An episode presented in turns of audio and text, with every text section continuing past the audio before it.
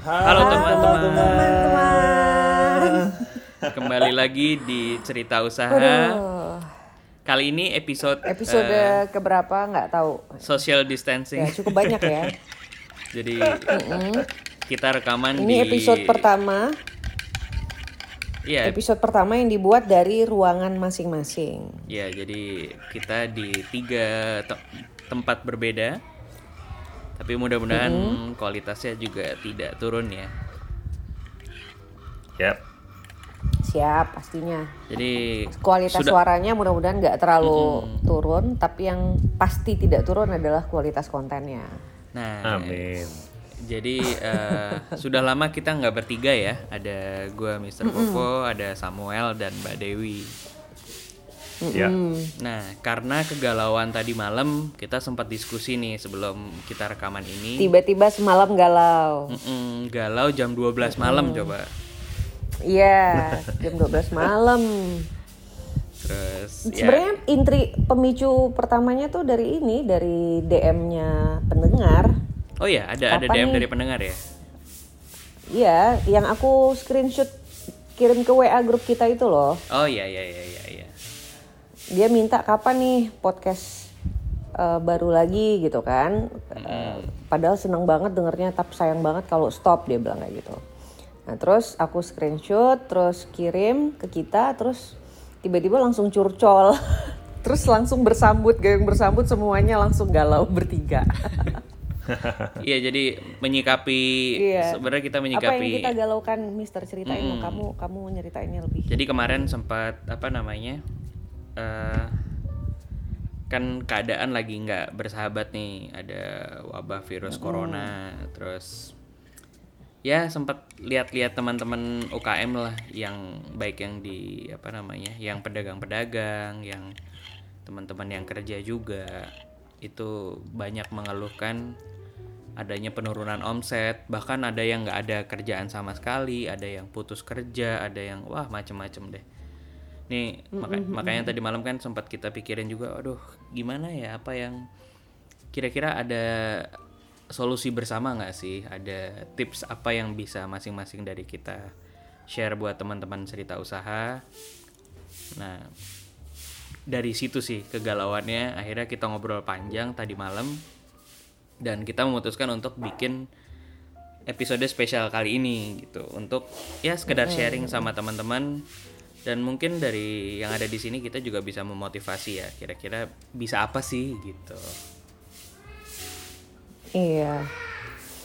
Oke, Yap. em, siapa dulu nih dari kita yang mau ngasih tips? Intinya gini ya, kalau gue secara pribadi, misalnya nih, dulu waktu zaman kerja meeting-meeting di luar pas segala, ketebak kan dari gue bangun, gue pesan grab car, ya kan? Gue pesan grab car, terus meeting di tempat satu, abis itu pesan lagi meeting ke tempat dua, abis itu pesan lagi pulang. At least satu hari ada dua tiga kali eh make layanan itu deh layanan eh, pengemudi transportasi online gitu kan. Nah Gojek atau Grab lah pasti. Nah begitu pula dengan makanan pesan makanan sering gitu kan misalnya beberapa kali pakai Gomart pakai GoSend dan lain-lain nah sekarang hampir beberapa minggu terakhir tuh ya sekalipun gue nggak ada order gitu andai kata yang tadinya tiga kali ngorder sehari jadi nol terjadi bukan hanya pada diri gue melainkan juga pada 1-2 juta komuter hmm. eh, lainnya artinya yang terdampak kan bisa kehitung nih yang kekurangan job ada ada tiga sekitar 3 juta order harian yang benar-benar jadi hilang gitu jadi turun gitu. Dan emang kan Nah, pemerintah jadi mem- memberikan instruksi untuk di rumah aja ya jadi Heeh. bisa jadi karena semua eh, ngikutin instruksi itu kan. Mm-mm, bisa jadi misalnya bisnis-bisnis kecil kayak yang kantin di kantor.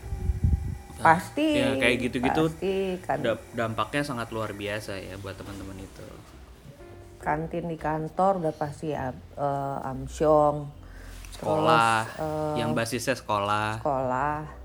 Heeh. dan macam-macam lah semuanya. Dan hotel kalau yang besar-besar hotel dan restoran semua di mall-mall tuh lu kata ya bioskop udah tutup nih dua minggu juga. Pariwisata hiburan ah semuanya deh. pariwisata hiburan udah udah semua kena gitu.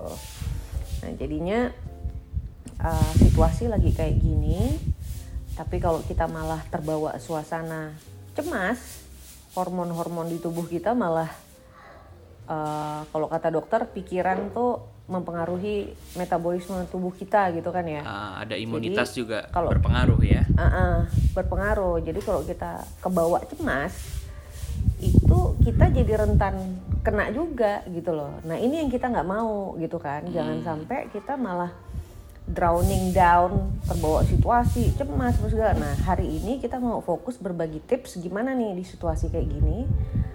Apa yang harus kita lakukan supaya bisa survive dan eh, apa namanya bangkit dan tumbuh menjadi lebih kuat nanti setelah ini berlalu karena insya Allah badai ini pasti berlalu gitu. Iya, iya, Buktinya iya. di Cina udah berlalu kan, di Cina ya udah pelan-pelan juga gitu. udah banyak uh, bisnis-bisnis buka lagi tadi juga baca berita ada Apple udah buka Starbucks udah buka taman-taman udah buka. Jadi ya mudah-mudahan nggak terlalu berlarut-larut lah ya.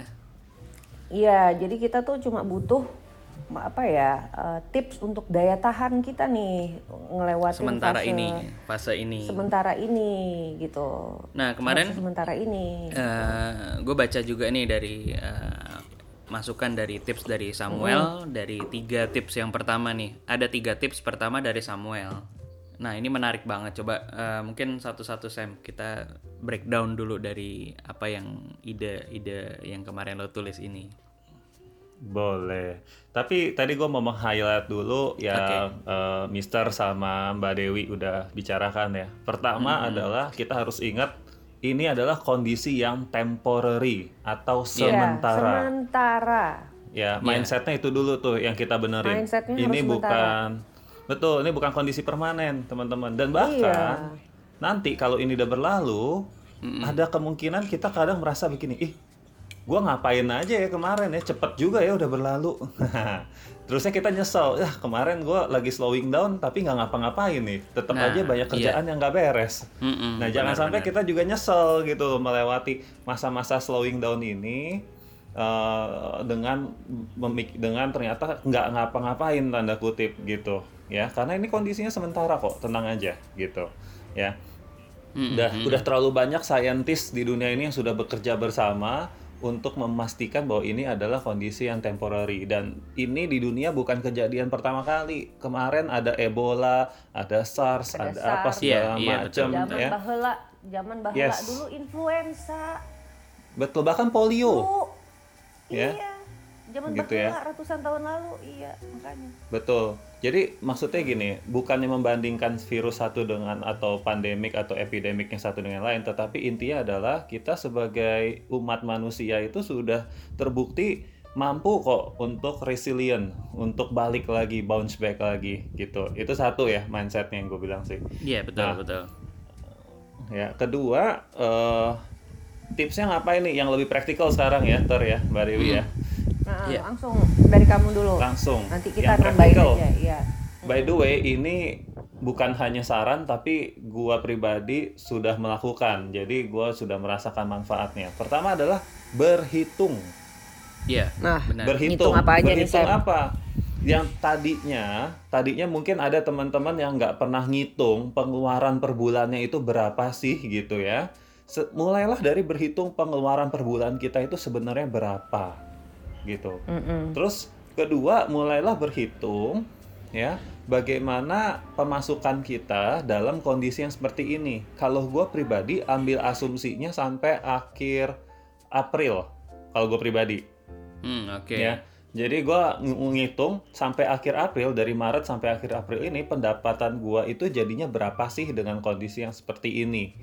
Nah ini untuk membuat kita menjadi lebih clear posisi keuangan kita itu sebenarnya sekarang seperti apa ya. Oke. karena dalam kondisi kayak gini kita tercenderungannya adalah ada negativity bias. Negativity bias itu adalah gini semuanya seakan-akan nggak ada lagi yang yang baik di dunia ini. Hmm. Gitu. Padahal mungkin bahaya. Yes. Itu gitu. Padahal mungkin mungkin ya kita berdoanya sebetulnya tidak seburuk yang dibayangkan dalam hal finansial kita gitu. Mungkin. Nah, jadi pertama yuk kita berhitung pengeluaran kita berapa, lalu lihat lagi mana yang bisa kita tekan.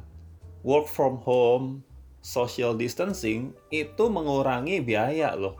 Contoh satu adalah tadinya kita jalan jalan ya transport betul. Terusnya apalagi ngopi ya ngo jajan. Terus apalagi? Nonton. Entertainment betul ya? Even makan ya, yang tadinya makan di luar kan jadi makan di rumah itu jauh lebih hemat itu. ah ih benar loh betul. Masak sama makan di luar tuh ternyata gila ya ternyata masak itu murah ya. Baru sadar juga gue. Gitu. Nah tapi jangan salah. Hah? iya iya iya tergantung siapa yang masak ya itu trade off-nya ya. Nah tapi jangan lupa nih ada harga Eh, tapi tapi jangan lupa ada juga budget-budget kita yang harus kita naikin loh. Salah satunya adalah budget pulsa budget kuota. Iya gitu. Nah jadi kita di sini secara bijaksana memainkan gitu. Oke kalau gua nggak ada budget untuk keluar lagi transportasi, gua alihkan untuk ke kuota. Kenapa kuota? Nanti kita jelasin. Kenapa harus invest di kuota. Oke. ya itu jadi eh, teman-teman harus balance mana budget yang naik mana budget yang bisa kita tekan ya supaya kita benar-benar clear kebutuhan bukan keinginan kebutuhan kita untuk ngeluarin uang itu berapa sih per bulannya terutama dalam kondisi yang seperti ini gitu ada yang mau nambahin dulu Ya, eh ya. mm-mm. Iya, jadi kan memang selama ini kan kebanyakan kita baik baik yang bekerja maupun yang usaha memang kalau yang usaha mungkin memang sudah biasa sudah punya laporan keuangan ya. Eh, Ada beban, ada apa segala macam. Cuman kan dengan dengan adanya hal baru ini, ada wabah dan segala macam kan bisnis pasti berubah ya. Pola bisnis berubah, ada yang melambat, ada apa itu penting banget pencatatan dikelu- di, di dirapikan lagi sehingga mungkin dari sisi usaha akan tahu oh eh, ada baiknya seperti ini. Jadi ada keputusan yang bisa diambil dengan adanya pencatatan-pencatatan itu gitu. Iya J- betul jadi jangan Nah, sampai kedua- jangan sampai menganggap menganggap yang terjadi ini seolah-olah di hari biasa. Jadi pastikan berbeda Iya. gitu Betul, betul. Gua pribadi budget gue jadi berubah loh. Mm-mm. Berubah banget gitu ya. Dan jadi ketahuan gitu, minimum budget yang dibutuhkan untuk running bisnis ini tuh berapa sih? Jadi mulai kelihatan juga sebetulnya. Gitu. oke Ya, yang kedua tadi adalah memprediksi memprediksi pendapatan. Wah, ini yang agak lebih susah menurut gua ya. Menurut gua agak lebih susah ini. Uh, mungkin Mister ada ada tips khususnya nggak untuk memprediksi kan Mister juga jualan beras nih dan yang lain-lain. Bisnis kue lu juga kena impact-nya mungkin ya karena gula jadi mahal tuh. Ter.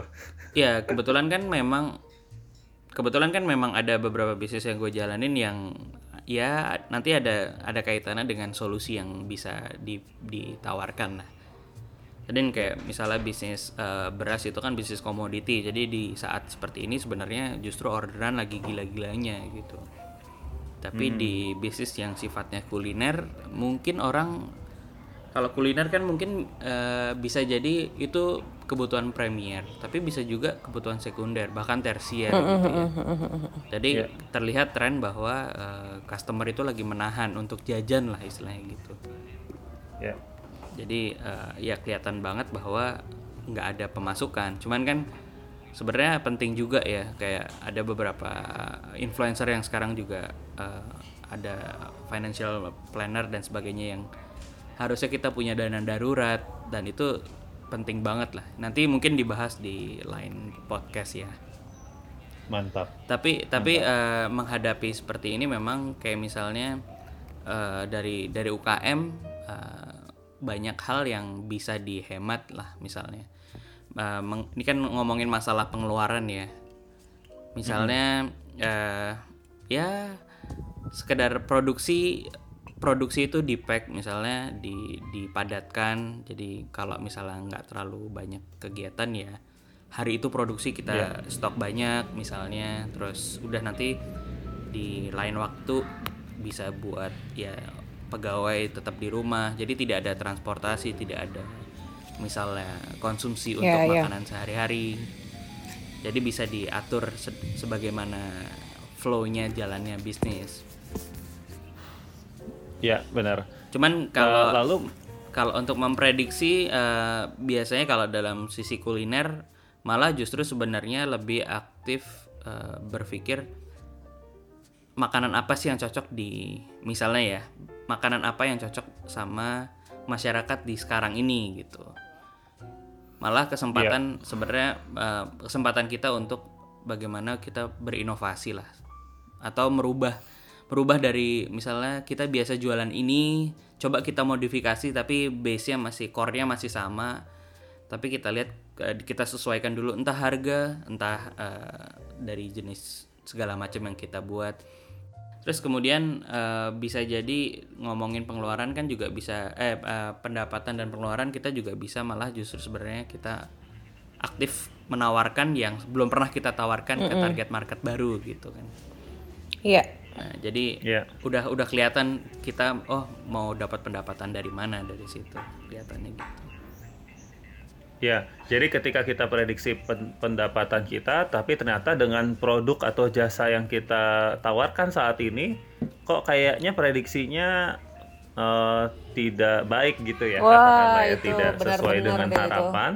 Maka Itu- kita nggak stop di situ, tapi mencari inovasi Jangan gitu ya. sampai jadi ya, opportunity. Miss Mbak Dewi ya. Opportunity seperti itu setuju setuju banget. Iya betul. Tapi tapi perlu di highlight juga nih teman-teman. Bedakan antara inovasi dengan selfish ya. Selfish tuh artinya gini, oportunis lah. Well, oportunis dalam konteks yang tidak baik gitu. Misalnya memborong banyak lalu reseller masker, hand sanitizer dengan harga yang lebih mahal ya. Itu jangan. Ya jangan oportunis yang seperti itulah ya.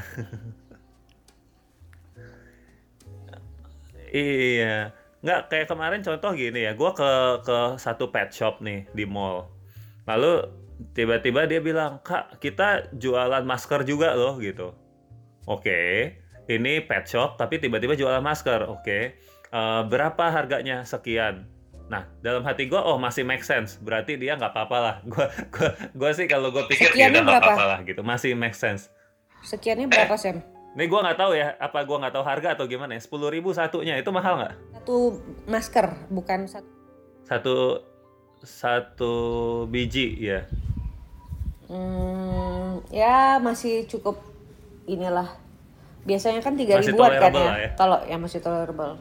oh masih tolerable lah ya bahkan sekarang pun tok apa pet shop aja tuh sampai ada yang begitu gitu Ya pasti mereka ya. udah ngeborong kalau gitu. Iya, tapi kalau gua pribadi, ini pendapat pribadi ya, bukan pendapatnya cerita usaha, ini pendapat pribadi. Eh, ya jangan terlalu keluar dari bisnis kita lah gitu. Maksudnya itu ya jadinya oportunisnya menurut gua membuat kita jadi nggak fokus gitu. Ya Ya. tadi kalau misalnya tadi kuliner, ya tetaplah di kuliner, tetaplah di bidangnya masing-masing. Eh, mungkin tadinya jualannya bakso jadi jualan jus jahe merah atau apa gitu ya. Mm, mm, mm. Oke, Ya, ini pendapat pribadi sih. Ya. Oke. Ini gue boleh nambah dikit gak ya? Ya. Nah, kalau sebagai penggiat UKM juga ya, gue tuh sebenarnya ini pendapat pribadi juga.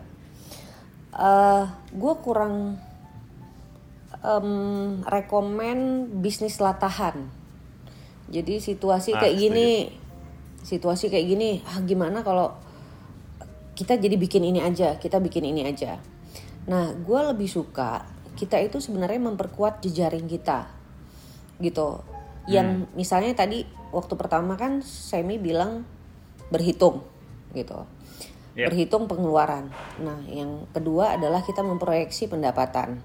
Terlebih bagi teman-teman yang omsetnya turun, omsetnya eh apa namanya bahkan kehilangan order gitu ya pembayaran ditunda karena event semua dibatalin bagi yang event organizer dan lain-lain gitu.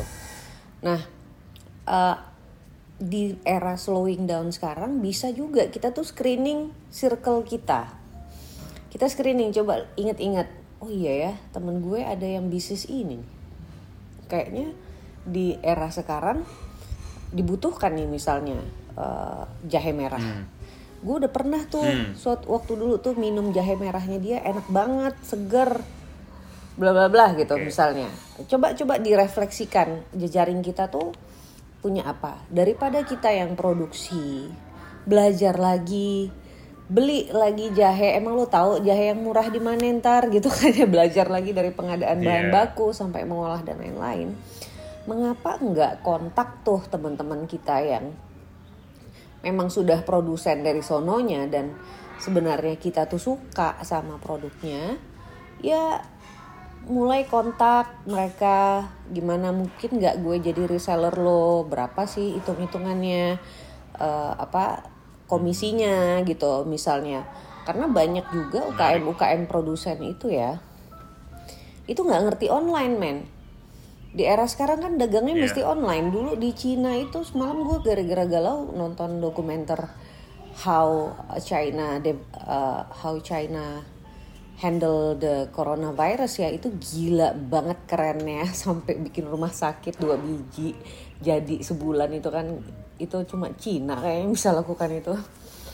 Nah terus semua stok-stok barang di storage mall berubah jadi warehouse ya kan?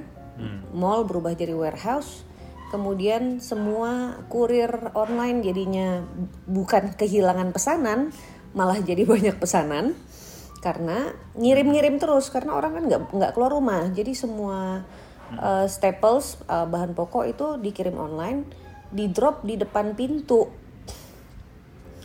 Nah, Ya. jadi untuk mengurangi kontak eh, antara si driver sama si pemesan gitu. Nah, habis itu konfirmasi Ya. online lagi. Nah, maksud gue itu kan Cina ya yang udah hebat betul teknologi dan tim kesehatannya dan kesiapan pemerintahnya juga gitu.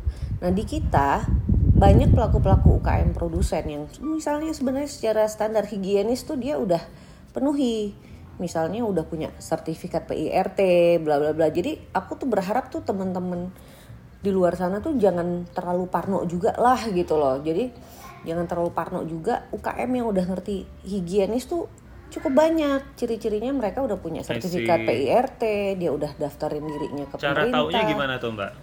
Iya kan di kemasan pangannya kan ada tulisannya kalau misalnya mereka tuh udah punya PIRT dan sebenarnya gue pengen mention ntar di akhir program member Boleh. member UKM P- Indonesia. PIRT ya namanya. Iya, sertifikat Tulisannya pangan PIRT gitu. PIRT, sertifikat pangan industri rumah tangga itu udah dicek, diverifikasi, diinspeksi sama dinas kesehatan setempat bahwa cara mereka berproduksi dari aliran air, ventilasi udara, eh, cara mencuci bahan baku dan lain-lain semua itu sudah mengikuti standar higienitas dan sanitasi kesehatan untuk industri rumah tangga. Mantap.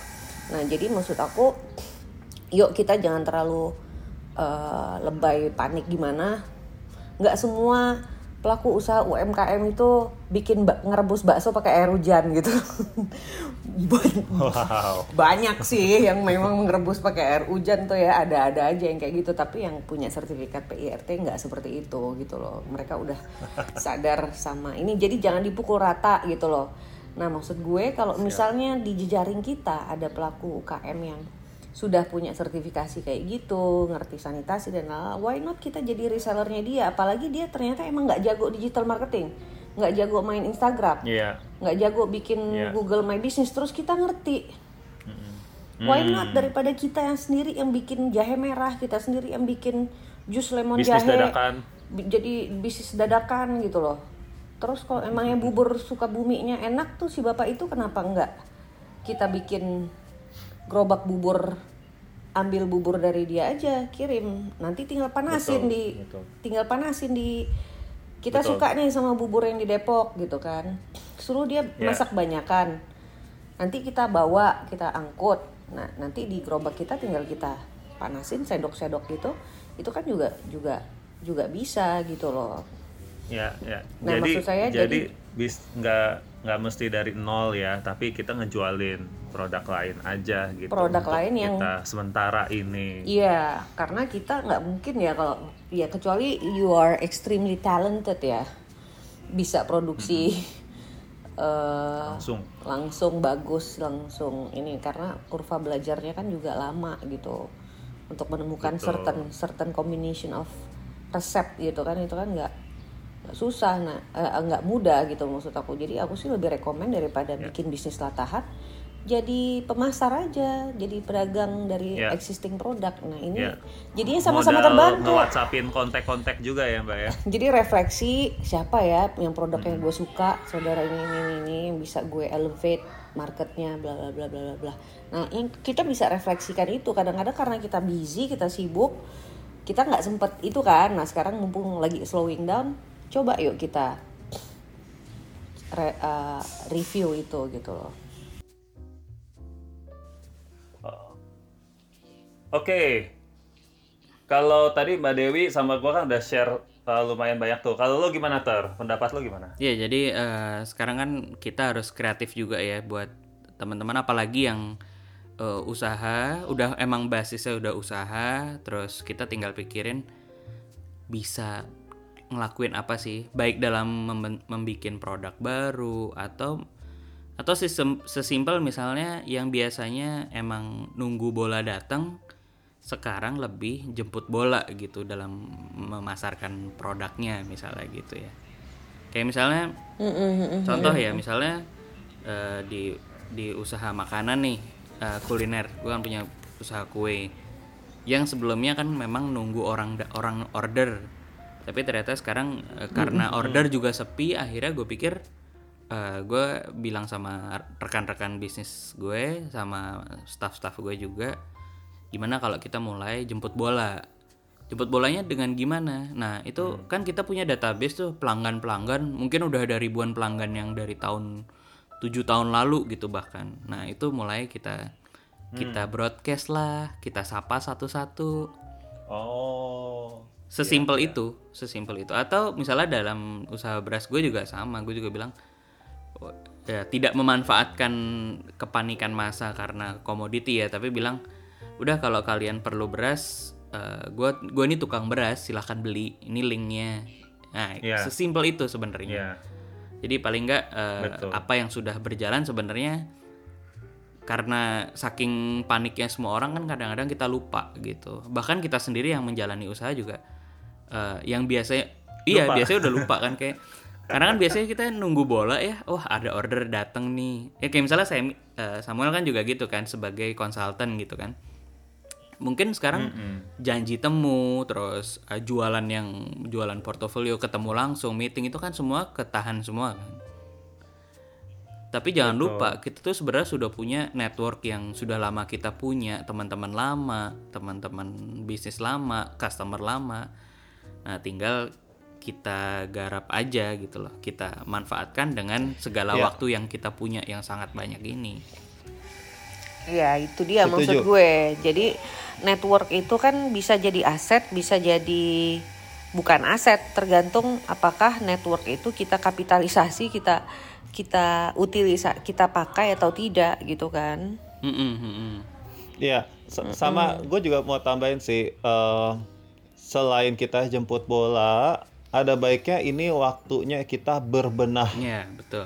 Jadi contoh gampang gini deh, ta- kalau kita jualan pakai gerobak misalnya ya, gerobak kita udah mulai eh, du- karena sibuk, kalau sibuk kemarin ya, karena sibuk kita udah mulai gerobaknya udah mulai kelihatan lusuh nih misalnya. Ya udah sekarang saatnya kita nyuci gerobak, terusnya Ngecat ulang. apa ya katakanlah ngecat ulang eh, dihias lagi gitu loh. Terusnya peralatan-peralatan produksi kita dibersihin ya. Karena kan kayak gitu-gitu kan nanti eh, begitu kondisi sudah normal jebret kita jadinya udah punya senjata baru gitu. Senjatanya sudah upgraded gitu. Senjatanya udah naik kelas gitu. Mantap. Atau ya. Contohnya lagi nih, kalau kalau gua ya, nih nih cerita pribadi gua. Gua kan di bisnis training, di bisnis consulting. Nah selama ini itu gua nggak nggak pernah punya waktu untuk ngeberesin website gua. Nah sekarang gue sama tim ini lagi ngeberesin website gitu supaya iya supaya begitu kondisi ini sudah normal gue langsung bisa jualan pakai website gitu loh. Kenapa website? Karena di, di tempat di bisnis gue itu penting untuk menambah reputasi. Jadi orang bisa lihat portfolio uh, consulting gue, klien gue siapa segala macam, nggak hanya lewat IG tapi lewat website juga. Bahkan hal yang simple nih ya, gue buka-bukaan nih. Jadi bisnis consulting gue yang nama F Project itu itu belum ada IG-nya sampai kemarin. Akhirnya baru bikin. Cuma ada Sampai sekarang. cuma ada IG Akhirnya lu baru kan. bikin, baru sempat. Hanya Cuma IG, IG gua doang. gitu. pribadi kan. Iya. Nah, akhirnya kemarin baru sempet dan gua invest, gua hire orang untuk eh, ngebangun sosial medianya gitu. Jadi bukan berarti di masa slowing down ini kita stop investing juga gitu. Jadi gua akhirnya hire desainer, desain grafis gitu ya untuk ngurusin eh, apa namanya IG corporate gua gitu. Dan juga ada beberapa kalau teman-teman perhatiin ya di IG gua itu pribadi gua kemarin ada dua postingan ada udah terdesain dengan rapi. Nah itu karena gua udah hire orang gitu. Kalau enggak gua nggak punya waktu juga untuk ngerjain desain desainnya gitu kan. Tapi ini ada Iya dan ada ketika yang, lo yang, desain sendiri belum tentu keren juga hasilnya, Cem. ada yang, ada yang menarik Betul, juga betul. Sam kemarin kepikiran juga kan. Bahwa misalnya buat teman-teman yang usaha usaha UKM kecil apa, usaha kecil ya. Misalnya eh, teman-teman punya usaha nasi goreng gitu kan atau mie atau mie goreng yang yang biasa mereka lakukan kan selama ini nggak pernah mungkin teman-teman nggak pernah kepikiran kalau eh, setiap customer yang datang itu ditanyain punya nomor telepon atau enggak punya ya apalah eh, eh, paling nggak bagaimana kita sebagai pedagang Kontak ya. eh, IG. sebagai pedagang itu punya database customer kan sekarang eranya gitu ya maksudnya. Itu penting banget. dan dan ketika sebenarnya kalau misalnya teman-teman dulu sudah melakukan eh, pendataan misalnya ada pelanggan nasi goreng nih yang satu komplek mungkin atau enggak jauh gitu. Paling nggak datang eh, mer- ketika mereka beli kita catat nomor teleponnya. Nah sekarang ini saatnya kita proaktif bahwa kita bilang eh, kita sekarang melakukan ada servis tambahan nih yaitu delivery. Udah nggak usah pakai Gojek nggak usah pakai Grab. Saya sama orang rumah misalnya sama staff saya sekarang bisa nganter makanan yang biasa mereka beli datang gitu. Tapi kita kita kita kasih informasi juga bahwa kita dalam masak pakai masker eh, pakai standar hygiene lah standar eh, kebersihan lah. Terus dan Ya. ya kita ini kan saatnya kita jemput bola. Dan siapa tahu siapa tahu. Mungkin the next berapa tahun lagi ada kejadian serupa atau apa. Jadi kita sudah siap dengan sekarang nih saatnya pembelajaran bahwa UKM juga belajar sama sesuatu yang besar gitu ya. Musibah eh, kejadian tak terencana itu kan bisa jadi saatnya kita belajar Iya, iya. gimana kita menyikapi yang mungkin tadinya nomor telepon orang tuh nggak penting jadi sekarang kita anggap itu penting. Kenapa? Karena kita juga bisa menjemput rezeki. Yang di rumah kan sebenarnya juga bukan nggak mau jajan cuman khawatir atau gimana segala macam.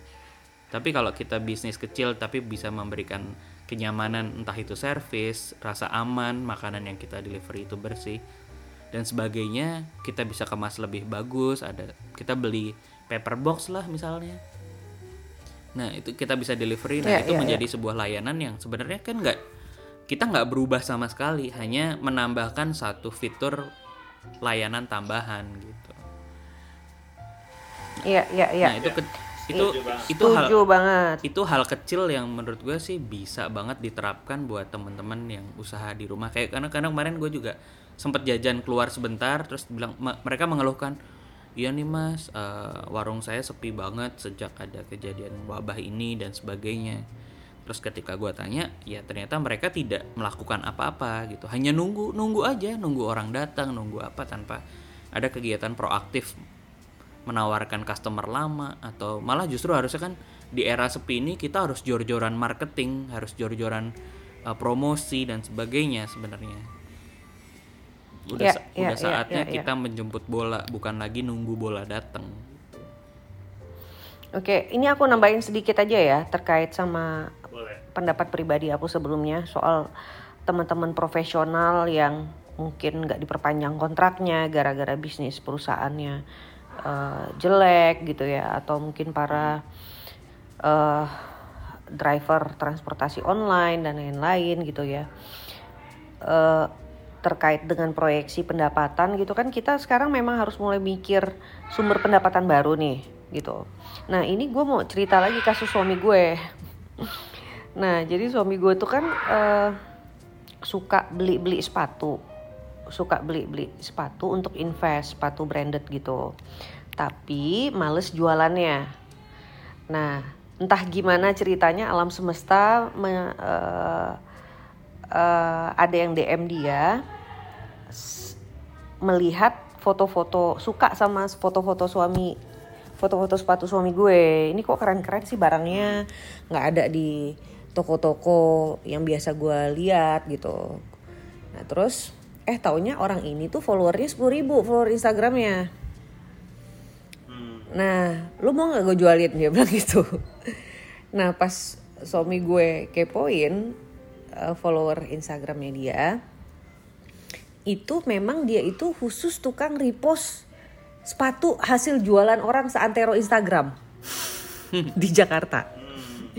Jadi dia itu bener-bener rajin ngulik. Kayak dia tahu siapa yang punya sepatu dari Instagram only dia ngulik itu. Nah, dia minta izin boleh nggak foto lu posting yang ini gue repost di Instagram gue. Nah suami gue itu kalau ngepost foto itu kan suka-suka dia tuh captionnya gila gue bangga banget gue berhasil menang te menang uh, menang apa misalnya uh, uh, bidding dia bidding tuh kan bidding kan. Misalnya ikut di pasar yang di Rusia di uh, apa di Inggris di mana-mana dia ikut bidding internasional gitu. Yes gue menang. Udah gitu doang fotonya. Sepatunya di upload. Terus sama si dia sama si anak ini tentu foto itu dia upload di Instagramnya dia dengan caption yang lebih lengkap kan. Tersedia ukuran sekian sekian sekian buka harga dari sekian limited edition uh, karena bedanya di mananya di sealnya di apanya bla bla bla gitulah Nah, nggak nggak available barang barunya, tinggal secondary marketnya doang gitu. Jadi dia ngelengkapin captionnya itu juga. Nah akhirnya orang beli sepatu suami gue tuh ya pasti banyakan dari channel Instagramnya dia daripada dari channel suami gue langsung kan gitu.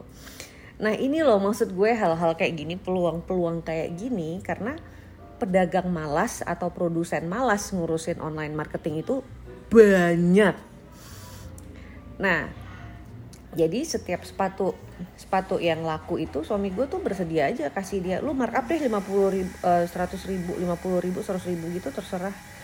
Ambil aja nggak apa-apa. Dia bilang kayak gitu. Bahkan untuk edisi-edisi sepatu yang lebih mahal lagi dia bisa dapat lebih dari itu uh, marginnya gitu. Dan usut punya usut lama-lama karena tradingnya tuh bagus jadi teman. Nih orang rajin main ke rumah. Gue pelajari lah background orang ini ya. Taunya apa tau nggak lo OB Gokil. office boy doang dia. Office boy di kantor dia yang asli jadi pendapatan tambahan dia tuh dari Instagram itu jualan sepatu karena dia hobi sama sepatu dia suka sama sepatu walaupun dia belum sanggup beli. Gitu. Ya, ya ini nah kayak ini maksud gue teman-teman gitu. Kalau mau, mau- betul. Kalau mau kulik lagi ide-ide seperti ini ada di episode kita di apa ide bikin usaha Ide, ya. iya. Nah, kita, ini kita ingetin lagi mumpung lagi slowing down nih ya tadi kita udah ngomong aset Iya. itu data data konsumen itu aset sebenarnya kalau kita kumpulin kita sapa kita kita berdayakan tapi ada satu jenis aset baru yang sekarang itu namanya aset informasi kalau kita rajin ngulik di internet kita rajin bangun komunikasi dari situ kita bisa eh, apa mendapatkan menciptakan nilai baru juga dari situ gitu loh. Yang informasi itu juga yang- salah satu jenis aset baru yang kalau kita lagi slow, slowing down sekarang please please ngulik lah ayo pelajari apa atau di ngulik tuh bisa luar jadi sana ada ngulik, apa. ngulik itu juga cuman bisa bisa jadi simpel kayak gini mbak. Jadi kan orang sekarang mau ke pasar takut gitu kan. Wah ke pasar takut. Bisa jadi itu sebuah ide bisnis yang wah gue mau deh eh, gue yang ke pasar buat orang sekomplek Jadi tiap hari dia ke pasar. Iya. Mungkin mbak pakai baju astronot ke pasar saking pengen secure-nya, amannya segala macem. Dia ke pasar dan dia ngumpulin data nomor telepon tetangga sekomplek. Siapa yang mau belanja hari ini, saya belanjain gitu. Itu Iya. simple idea yang mungkin eh, kita harus bisa melihat Faedah. Kita ya kita harus melihat ada tetap ada peluang kok di di di keadaan yang sangat negatif saat ini gitu loh. Iya. Ya, jangan lupa jadi Jadi itu jangan Jadi- hanya meratapi aduh gimana nggak ada order aduh gimana nggak ada kerjaan. Tapi mulai bangun lagi dengerin lagi episode kita dari episode 1 Eh, sebenarnya ini saat di mana memang saat mentok ya ini saat terdesak. Jadi ide-ide itu harus keluar ide-ide itu harus segera keluar untuk ya untuk kita survive kan gitu Iya, Ya. kan ada the Gua power of kepepet ya. itu kan. the power of kepepet ya benar Ya, sam Iya, benar. ya mungkin membedakan aja Eh, kalau oportunis itu eh, kita kayak hanya benar-benar melihat orang butuh masker, yuk kita ikutan semua jual masker rame-rame gitu kan. Kalau ini Hand kita sanitizer. kita lebih cermat lagi mencari masalah apa lagi yang bisa gua yang bisa gua selesaikan ya, yang bisa gua tawarkan gitu. Karena gini, eh, secara teori kalau kita apa namanya semua orang di sini oportunis menjadi penjual masker, ya lama-lama jadi lus-lus juga gitu. nggak ada yang nggak ada yang apa namanya diuntungkan juga gitu. Saat ya jadi maksudnya masih masih banyak sekali masalah-masalah lain yang bisa kita jadikan eh, business opportunity. Iya. Contohnya tadi Mister bilang gitu. Tapi ingat lagi ini kondisi sementara. betul Jadi kalau setelah ini teman-teman merasa oke ini hanya sementara, gue mau bantuin jadi kurir untuk orang belanja. Ingat itu adalah mungkin hanya sementara. Tapi kalau Ya, ternyata cuannya ingat, bagus, Harus harus boleh juga Bisa boleh. Tapi dilanjutin. ingat maksud gue gini. Bener-bener. Tapi jangan lupa untuk ngurusin bisnis kita yang awal. Gitu loh. Nanti betul. na- nanti nanti jangan sampai kita oke eh, sekarang bisnis kita adalah apa namanya tadi X gitu ya. Nah, eh, tapi nanti begitu begitu eh, masa-masa ini berlalu, ternyata jasa kita sudah tidak dibutuhkan lagi, terusnya kita gigit jari. ya kita Gitu. adaptasi lagi harus bisa adaptasi lagi lah Adaptasi lagi, harus bisa adaptasi lagi, harus bisa juga diluangkan waktu untuk prepare eh, bisnis kita yang sekarang udah ada gitu. Nah, ini gue mau nyambung ke poin berikutnya nih, Sam. Boleh ya? Tadi kita Boleh. udah bahas pertama gimana cara survive dan uh, fokus menge- fokus untuk mengambil sisi positif dari kondisi yang super negatif saat ini. Pertama kan kita hitung pengeluaran. Kedua, Betul. proyeksikan pendapatan dan berinovasi memikirkan sumber-sumber pendapatan baru. Tadi udah kita ulas barusan. Betul. Yang ketiga, berbenah. Ya kan? Betul. Nah, bermenah. Gue tadi kasih catatan tuh di WhatsApp grup tuh. Heeh. Gue kasih catatan tuh di WhatsApp grup. Gue summarize ya berbenah ya. Berbenah itu satu bisa membersihkan alat-alat produksi kita atau Yeah. alat-alat usaha kita. Kedua, mempercantik alat-alat yang kita pakai untuk usaha selama ini. Termasuk display Ya. online portofolio kayak contoh website lo itu kan.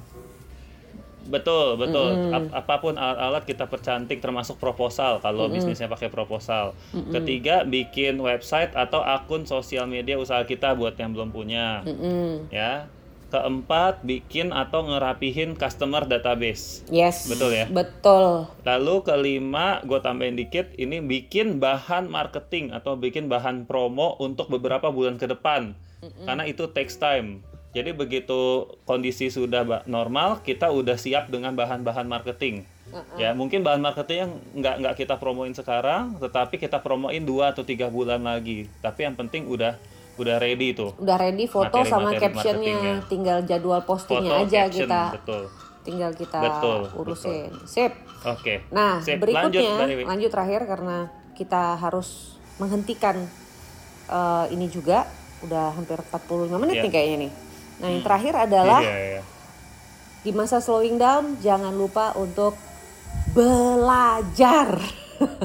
Iya, belajar bisa banyak Nah, ya, dengan- apalagi sekarang eh, semuanya serba online gitu. Jadi kan tetap nggak perlu Yes. keluar rumah gitu loh.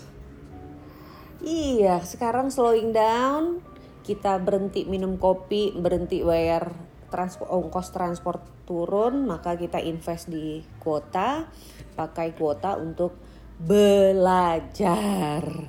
Nah, kalau gue Yes. pribadi nih sebagai penggiat UKM nih, Caranya. Hmm. sebagai penggiat UKM nih ya gue tuh suka gemes sama pelaku usaha mikro kecil gitu ya CEO CEO perusahaan besar aja itu rata-rata baca buku tiga biji sampai habis setahun Hmm. tiga buku baru itu buku baru yang sampai habis ya dia baca belum lagi dokumen-dokumen atau artikel-artikel pengetahuan yang dia baca setiap hari so yang ngurusin perusahaan besar aja belajar terus. Terus mbok ya kita yang masih kecil sama menengah ini kok Betul. disuruh baca susahnya minta ampun ini ya. Aku aku suka pusing Betul. ini gitu loh. Nah Gini jadi- Mbak, nih biasanya biasanya excuse-nya gini, bukunya semua yang bagus-bagus dalam bahasa Inggris sih. iya Sebenarnya membaca, Atau- membaca atau minimal nonton YouTube yang berfaedah. jangan nonton jangan ya, se- sekarang ini nih kan ada gue bukannya numpang sekalian promosi juga lah ya Iya. di ukmindonesia.id itu kan ada menu artikel wawasan bisnis di situ tuh banyak Iya. banget informasi kayak cara memisahkan keuangan rumah tangga tadi Semi ngomongin proposal cara membuat rencana usaha untuk akses modal Hmm. sampai template-templatenya kita kasih di situ tinggal isi-isi aja Oh iya, mantap. sampai contohnya ada sampai eh, macam-macam itu silakan dibaca cara memisahkan Betul. keuangan cara ini apa namanya hmm, bikin jaringan reseller gimana perjanjian-perjanjian Apa, sama Mbak, alamatnya? reseller tuh biasanya Alamat webnya? gimana Alamat webnya apa? ukmindonesia.id ukmindonesia.id. Nah itu artikel kita tuh ya, itu artikel doang. Tapi jangan lupa, yang versi Hmm. podcast kan ada cerita usaha juga nih. Iya. Nah jadi mungkin udah saatnya dengerin lagi yang lama Iya. sampai yang baru banyak sekali episode Ya. yang ada di sini. Sama gue gue juga ini nih mau sharing nih semalam gue baru nonton film dokumenter tentang biografinya Bill Gates. Mm-mm. Nah jadi itu menarik juga teman-teman belajar sambil nonton. Kalau Iya. yang berlangganan berlangganan TV berlangganan ya cobalah cari program-program yang itu ya ya boleh nonton drakor boleh ya tapi jangan porsinya mbok ya diimbangi gitu ya. gue sepakat nih Sam sama lo karena gue juga jadi gue tuh eh, kalau kita mau jadi entrepreneur ya atau mau jadi entrepreneur yang punya lead- yang jadi leader juga memang kita invest waktu di nonton figur-figur inspiratif tuh perlu juga gitu nonton soal Bill Gates gue kalau yang cewek itu Joy ada filmnya tentang pengusaha Iya, iya, yang iya. menciptakan Tahu tahu. flippable flippable pel itu keren banget itu itu film keren Oke, banget. Gue jadi punya ide nih. Sorry gue cut. Kita habis ini di WhatsApp grup kita list down yuk film-film apa yang eh, kita rekomendasikan untuk teman-teman nonton dalam kapasitas sebagai pemilik Iya, usaha. iya, iya, Gimana? Oke. boleh. boleh Nanti boleh kita post di Instagram kita, Oke, gitu di ya. at Ya, cerita siap, usaha siap. ya. Nanti nanti list Di judulnya, list usaha. rekomendasi tu, judulnya teman-teman lihat aja di Instagram kita ya. Iya, iya. Nah, Oke, jadi sekarang kita Oke. lanjut dulu, kita lanjut dulu, kita lanjut Sekarang jadinya kita lanjut dulu sumber-sumber belajar lainnya. Boleh. Nah tadi eh, kalau artikel banyak di UKM Indonesia, banyak di website-website lain juga. Asal mau ngulik gitu ya. Terus ada podcast kita. Terus eh, film-film kayak tadi. Terus yang YouTube-YouTube channel yang membahas ulasan-ulasan bisnis juga banyak kan, Mister? Mm-mm, mm-mm, banyak banyak. Ya. Hmm. Dan tema-temanya tuh bisa sangat spesifik juga gitu loh. Gimana cara benahin, gimana cara berpromosi di Instagram, gimana cara pasang iklan. Kadang-kadang kadang-kadang Satu. kadang-kadang untuk belajar ini banyak mereka yang sebenarnya nggak tahu kata kunci. Jadi misalnya gini, Nah, sebenarnya eh, simple. Bagaimana cara membuat mie ayam misalnya? Itu kan Mhm. hmm, itu video mungkin cuman berapa 10 menit tapi ilmunya besar kenapa karena habis nonton coba dipraktekin bagaimana cara membuat bakso, bagaimana membuat ketoprak atau Eh, apa pun Ter, lah. gue challenge Ah, langsung gimana? lah. Ter, gue Gimana, challenge ya. gimana? Kata kuncinya apa nih? Kata kuncinya apa kalau buat mie ayam? Tapi gue pengen buat mie ayam kelas internasional. Cari Nelayan, ca- mie ayam. Mie ayam.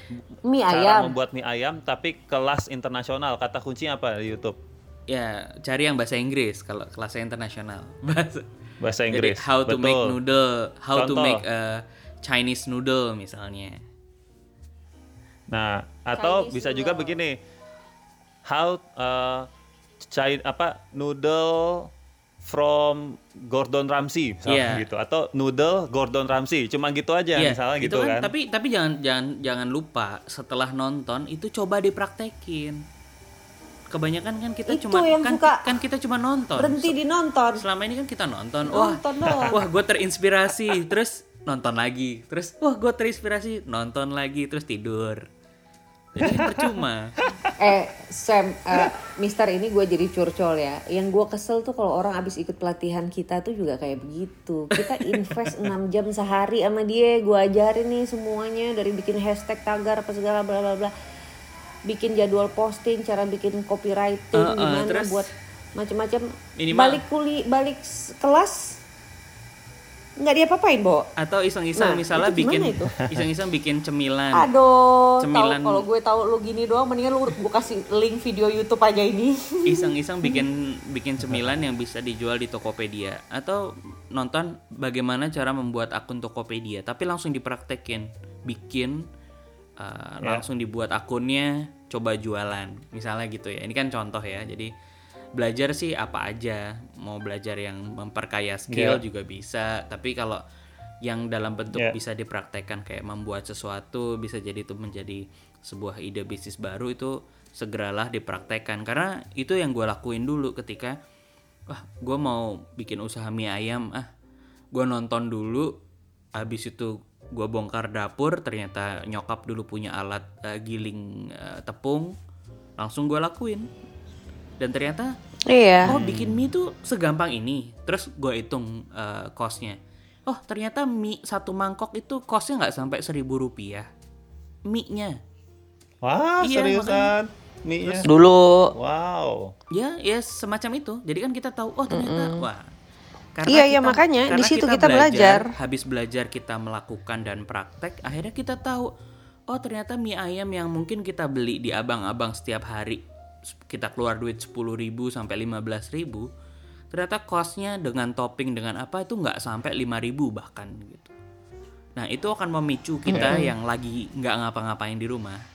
Itu akan muncul banyak ide oh ternyata bisa begini ya. Oh ternyata bisa begini. Nah itu eh, penting banget buat mengisi waktu sementara kita dalam keadaan negatif seperti ini gitu loh Mantap. jadi selain Nah, intinya gue cuma mau- selain ada ya. sumber-sumber yang sudah disebutkan Mbak Dewi tadi Ya, jangan lupa bikin notes jangan jangan lupa bikin notes catatan jangan lupa praktek terus ya belajar aja tapi langsung dipraktekin dicoba gitu itu penting banget Nah terus kalau dalam hal belajar kita eh, mesti kenali juga sih kita itu tipe pembelajar seperti apa. Tipe auditori, tipe nonton atau tipe yang emang sukanya baca gitu. Karena setiap media kita belajar itu kan memang ada lebih kurangnya. Kalau misalnya baca artikel kita bisa kontrol F nih di komputer atau eh, search kata kunci sehingga kita bisa cepat menemukan bagian-bagian yang ingin kita baca lagi dari sebuah artikel gitu kan. Kalau di video kan susah tuh. Kalau kita mau harus rewind, mundur, maju, segala gitu, suara juga enggak. Yeah. Nah, jadi intinya di langit semesta langit ini, maksudnya cloud gitu ya, internet, itu tuh lo mau cari yang versi suara, podcast kayak kita gini, versi video, versi bahan bacaan tuh banyak banget teman-teman.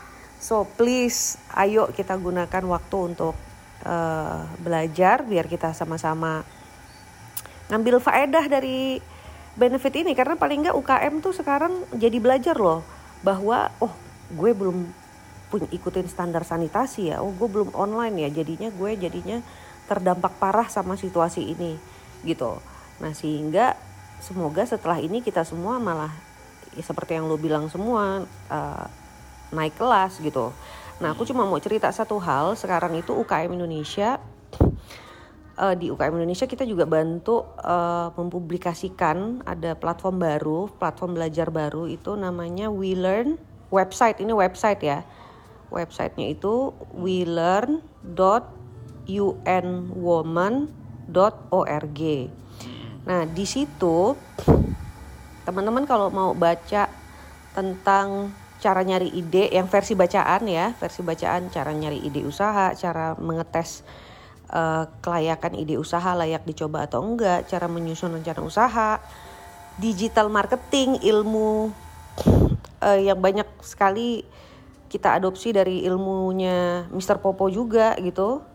Terus manajemen operasional, cara bikin manajemen stok gimana supaya efisien, supaya waktu kita hemat gitu ya. Sampai legalitas dan manajemen keuangan tuh bisa dibaca di situ juga. Nah jadi uh, banyak sih sumber-sumber belajar yang kalau kita mau belajar mestinya sekarang tuh ngelmu jauh lebih murah daripada zaman dulu ya cuy. Yeah. Oke. Ya, betul. Sip. Ya mungkin Itu itu doang sih kalau mungkin dari semuanya ada satu hal penting yang kita juga perlu bersyukur juga ya. Jadi ini Iya. saatnya kita kembali ke keluarga, eh, merasakan kumpul bareng Iya. keluarga dan mungkin buat kita yang biasa sibuk ini saatnya waktu banyak untuk berdoa supaya ini juga segera berakhir dan jangan jangan merasa ini negatif terus. Ya emang emang segalanya sekarang lagi negatif. Cuman kita perlu menyikapi itu juga dengan hal-hal positif. Jadi ambil hikmah ya kita ambil fokus hikmahnya ke lah. Kita fokus ke- gimana cara survive dan bangkitnya bukan meratapi betul betul. kondisi negatif inilah gitu. Karena itu bukan Oke. itu aja. Closing statement nih dari masing-masing kita kalau gitu. Boleh. Silakan, siapa dulu? Ya kalau dari gue ya itu jadi jangan lupa teman-teman memang kondisi kita lagi tidak baik eh, tapi justru ini kesempatan kita untuk mengkoreksi segala sesuatu yang ada kemarin kita pakai untuk eh, belajar kita pakai untuk berdoa dan kita pakai untuk mempersiapkan apa yang kita hadapi setelah ini Ingat, ini kondisi hanya sementara. Satu.